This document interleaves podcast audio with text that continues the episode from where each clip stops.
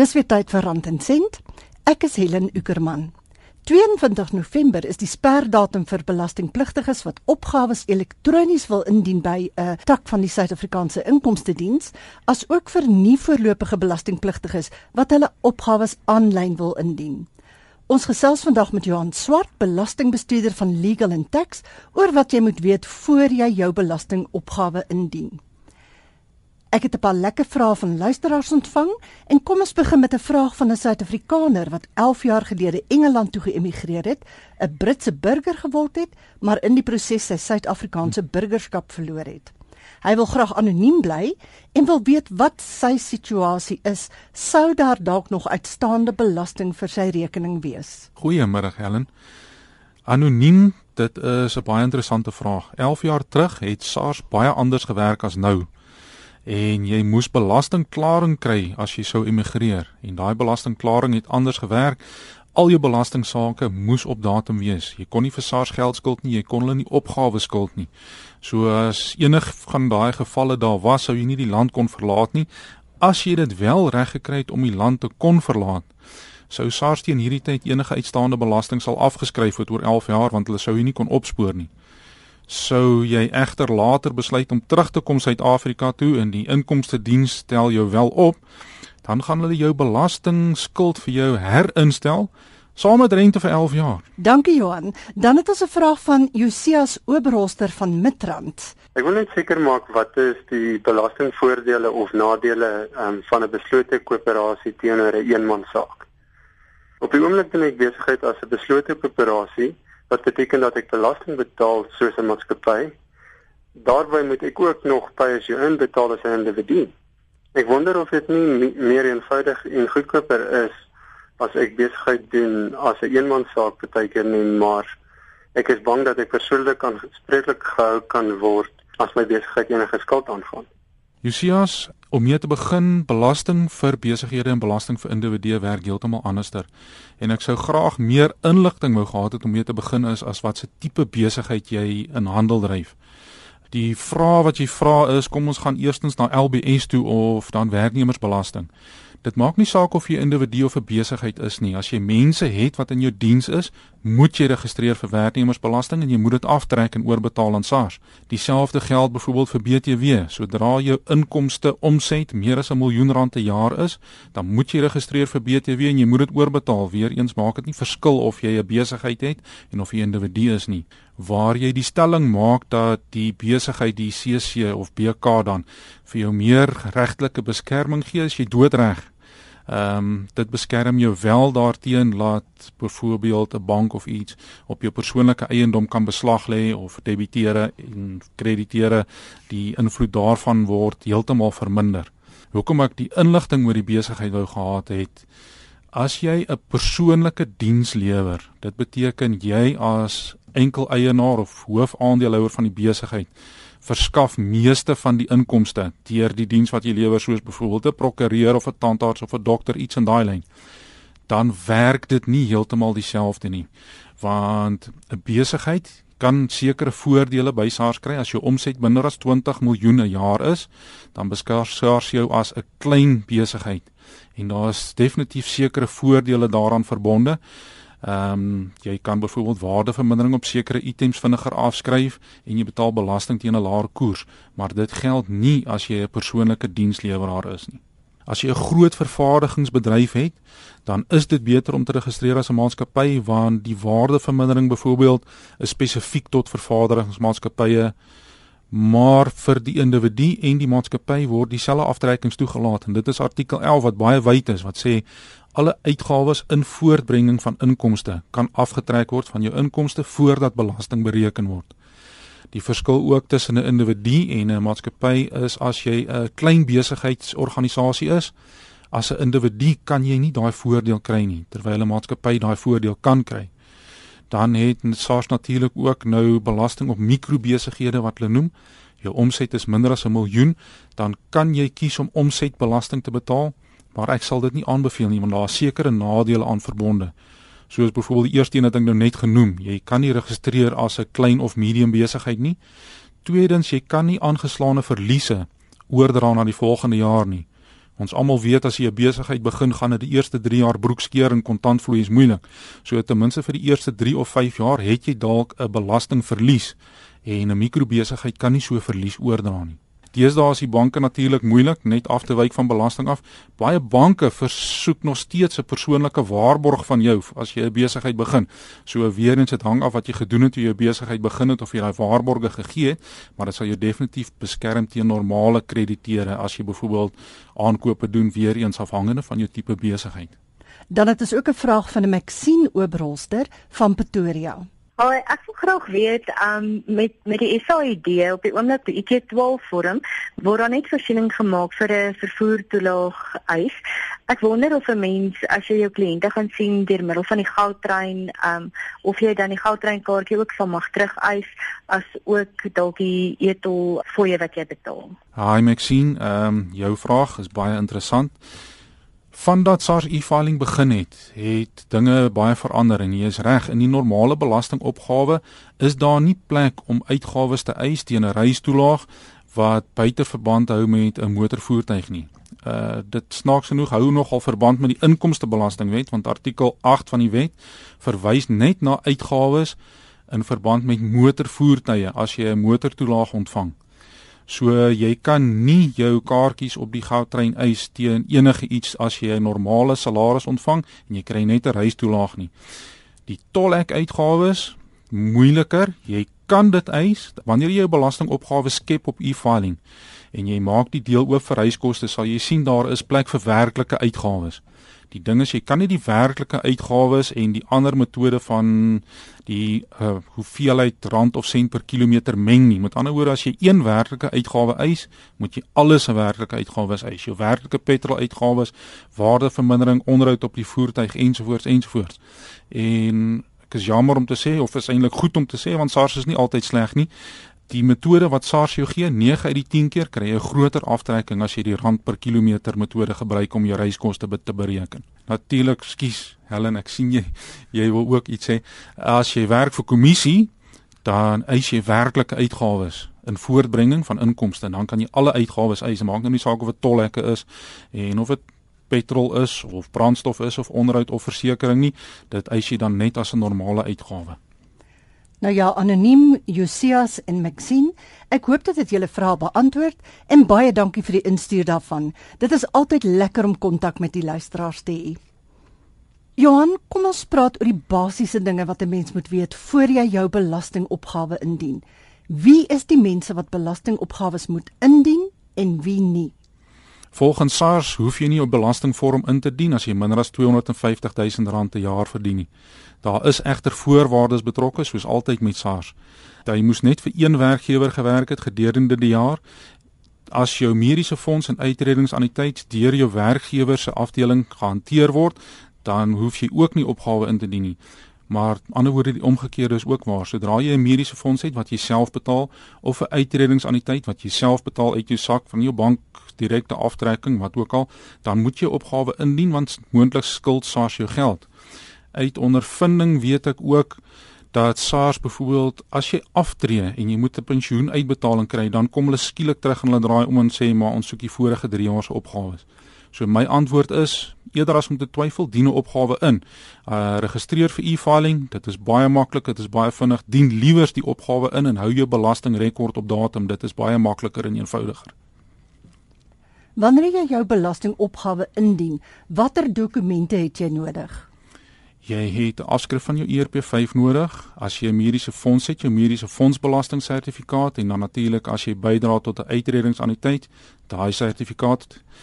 As jy 'n reistoelaag ontvang of 'n motortoelaag of jy gebruik 'n maatskappy voertuig, jou logboek. Dit is die normale dokumente vir 'n salaristrekker. En wat van beleggings? beleggings, die bank reik vir jou sertifikate uit vir rente wat jy verdien het, IT3 sertifikate. Jy kan maar sorg dat jy dit ook byderhand het as jy in daardie kategorie val. Johan, mense het nou dikwels bykomende inkomste, soos nou byvoorbeeld rente op beleggings. Hoe verklaar 'n mens dit? E-filing werk regtig baie perfek. Weereens vir SARS 'n kompliment daar gee. Wanneer jy aansoek doen vir jou belastingopgawe, skep jy die opgawe om aan te pas by jou behoeftes. So wanneer jy die opgawe skep, gaan jy outomaties die deel skep wat jy moet invul as jy rente kry op 'n belegging. Jy luister na Rand en Sent op RSG 100 tot 104 FM met Helen en ons ateljeegas is Johan Swart, belastingbestuurder van Legal and Tax, oor wat jy moet weet voor jy jou belastingopgawe indien. Onthou 22 November is die sperdatum vir belastingpligtiges wat opgawes elektronies wil indien by 'n SAID tak, as ook vir nie voorlopige belastingpligtiges wat gebruik maak van e-filing om opgawes in te dien. Johan, wat van 'n mens se reisuitgawes, jou pensioen en mediese fonds, hoe word dit bereken? Die berekening is effens gekompliseer tot nee maar ons kan nie 2 dae hierso sit in die ateljee nie. Ehm um, weer eens, wanneer jy jou opgawe skep, gaan jy die nodige seksies in die opgawe skep om te voltooi. SARS sal dit vir jou bereken. Jy moet net weer eens sorg dat jy die dokumentasie byderhand het. Beleggings as ons ook kyk byvoorbeeld na huurinkomste, ek sal voorstel maak vir jouself 'n skedule byvoorbeeld in Excel laat jy die uitgawes en die inkomste korrek neersit voor jy die opgawe moet begin voltooi. Die uh, inligting moet byderhand wees. Jy kan nie as jy sit met die opgawe dan eers begin rondhardloop vir stawende dokumente of syfers of iets nie. Dit is alles moet reg wees en op hierdie stadium is daar net 2 weke oor vir indiening van die belastingopgawes. So al die dokumente moet eintlik nou al reg wees en as ons kyk na die weerberig in die aande en ons sien daai uitsaaiing van die elektrisiteit, mense julle is klaar in die rooi as dit 'n belasting uitsaai was. Onder watter omstandighede kan ek verwag om 'n uitbetaling te kry van die SAID? Baie baie mense verkeer onder 'n totale wanindruk. Dit is 'n uitsondering om terugbetaling te kry van SARS af want die belastingwet maak voorsiening hoe belasting afgetrek moet word by die werkgewer en dit is baie baie streng. So as jou medies en jou uitredingsaniteit deur jou werkgewer se uh, betaalstaat gaan, dan gaan daar nie 'n terugbetaling wees van SARS af nie want jy kry al reeds maandelikse belastingvoordeel. As jy 'n reistoelaag ontvang of jy gebruik 'n maatskappy voertuig afhangende van jou logboek, dan kan jy dalk 'n terugbetaling van SARS verwag. En as jy 'n voorlopige belastingbetaler is? Voorlopige belastingbetalers het verskillende redes hoekom hulle voorlopige belastingbetalers is. Hoofsaaklik omdat daar ekstra inkomste betrokke is, soos byvoorbeeld beleggingsinkomste of huurinkomste.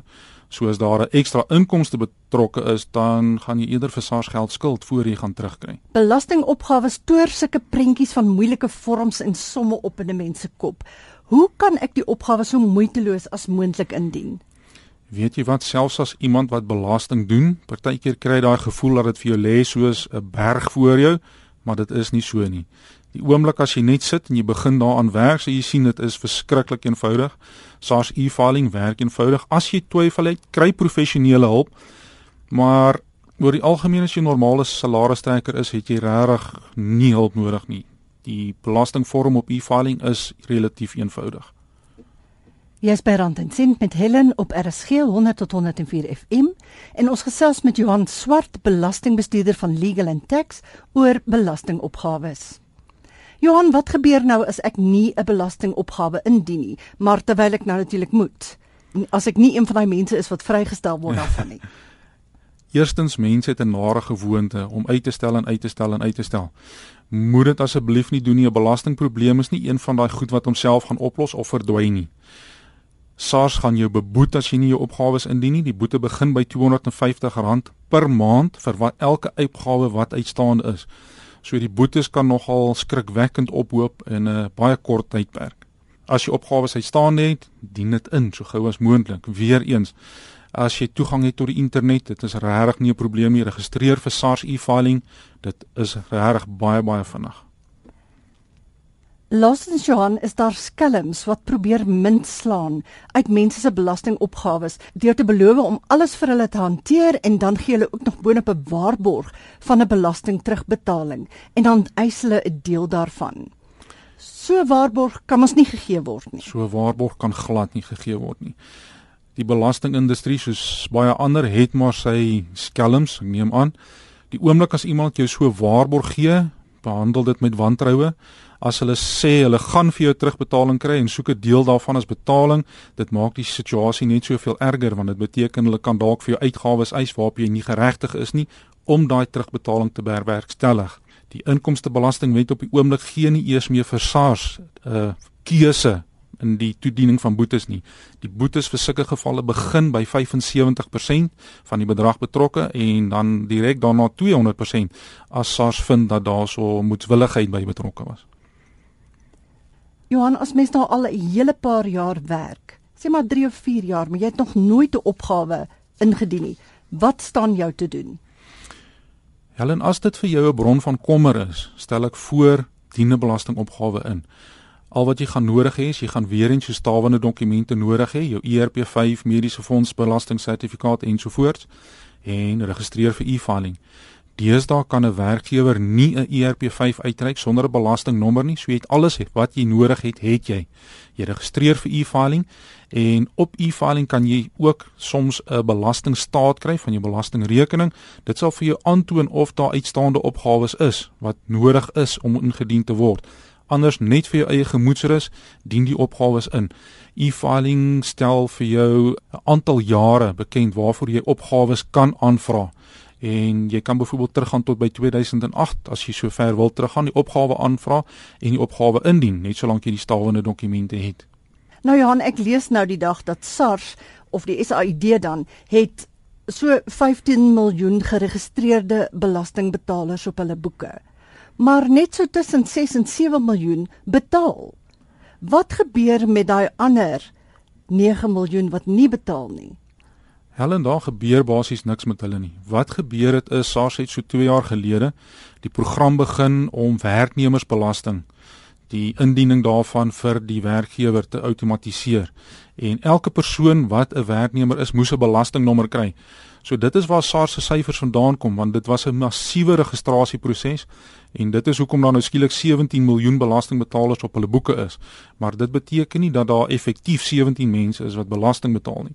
En dan min of meer van die 6 miljoen wat nou belasting betaal, 350 000 val omtrent in die top skaal en hulle dra omtrent 60% van die land se belasting by. So dit is uiters skrikwekkend as jy daarna kyk hoe klein die belastingbasis is en hoe baie met daardie mense se geld gedoen moet word.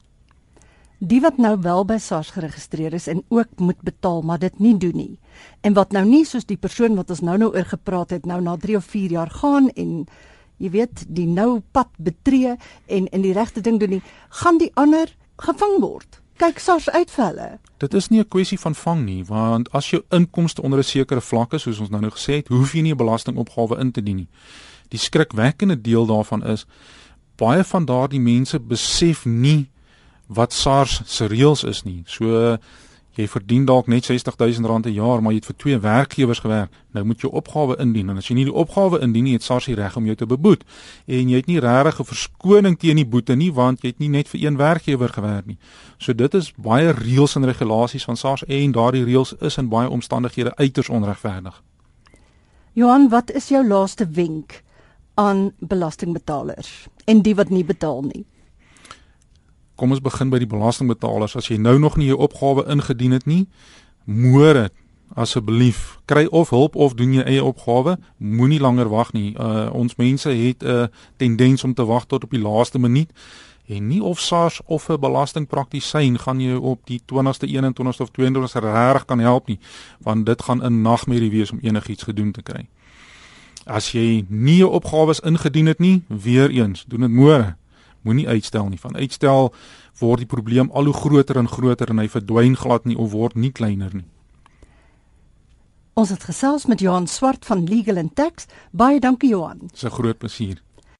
Johan kan gekontak word by telefoon 086 587 587. Dit is 086 587 587 of SMS law L A W na 31690 en Legal and Tax sal jou terugbel. Jy kan ook hulle webwerf besoek by legalandtax.co.za. Om die SAID se e-indiening of e-filing te gebruik is werklik nie moeilik nie. Gaan na www.sars-efiling.co.za. Stap 1. Meld aan of registreer as jy dit nog nie gedoen het nie. Klik op login en tik jou unieke gebruikersnaam en wagwoord wat jy moes gekry het toe jy geregistreer het. Stap 2. Roep jou IRT12 belastingopgawe op. Die titel van die bladsy moet wees Income Tax Work Page. Aan die linkerkant van die skerm klik jy nou op Personal Income Tax IRT12. As die blad oopmaak, dan klik jy op Request Return. Stap 3. Nou kan jy aan jou belastingopgawe begin werk. Jou besonderhede behoort nou op die skerm te wees. Klik op Open heel regs. 'n Opsomming van jou belastingopgawe vir die jaar sal oopmaak. Onder return type klik jy op ITR 12. Nou is jy by jou werklike belastingopgawe vorm en kan jy jou besonderhede begin invul en voltooi. Klik nou op file return en jy is klaar. Hierdie inligting is afkomstig van die webwerf taxtim.com tyd vir die kontakbesonderhede. Jy kan my volg en vra stel op Twitter by @HelenUckerman of op Facebook by Rand en Sent Helen Uckerman en ek kry vir julle kenners om daardie vrae in die ateljee te beantwoord. Jy kan ook e-pos stuur na helen.ueck@gmail.com en onthou dat jy hierdie program in MP3 formaat kan aflaai van RSG se webwerf rsg.co.za. Ons sluit dan vandag af. Dis Helen wat groet. Stuur asseblief vrae en ons praat weer volgende Sondag om 04:30.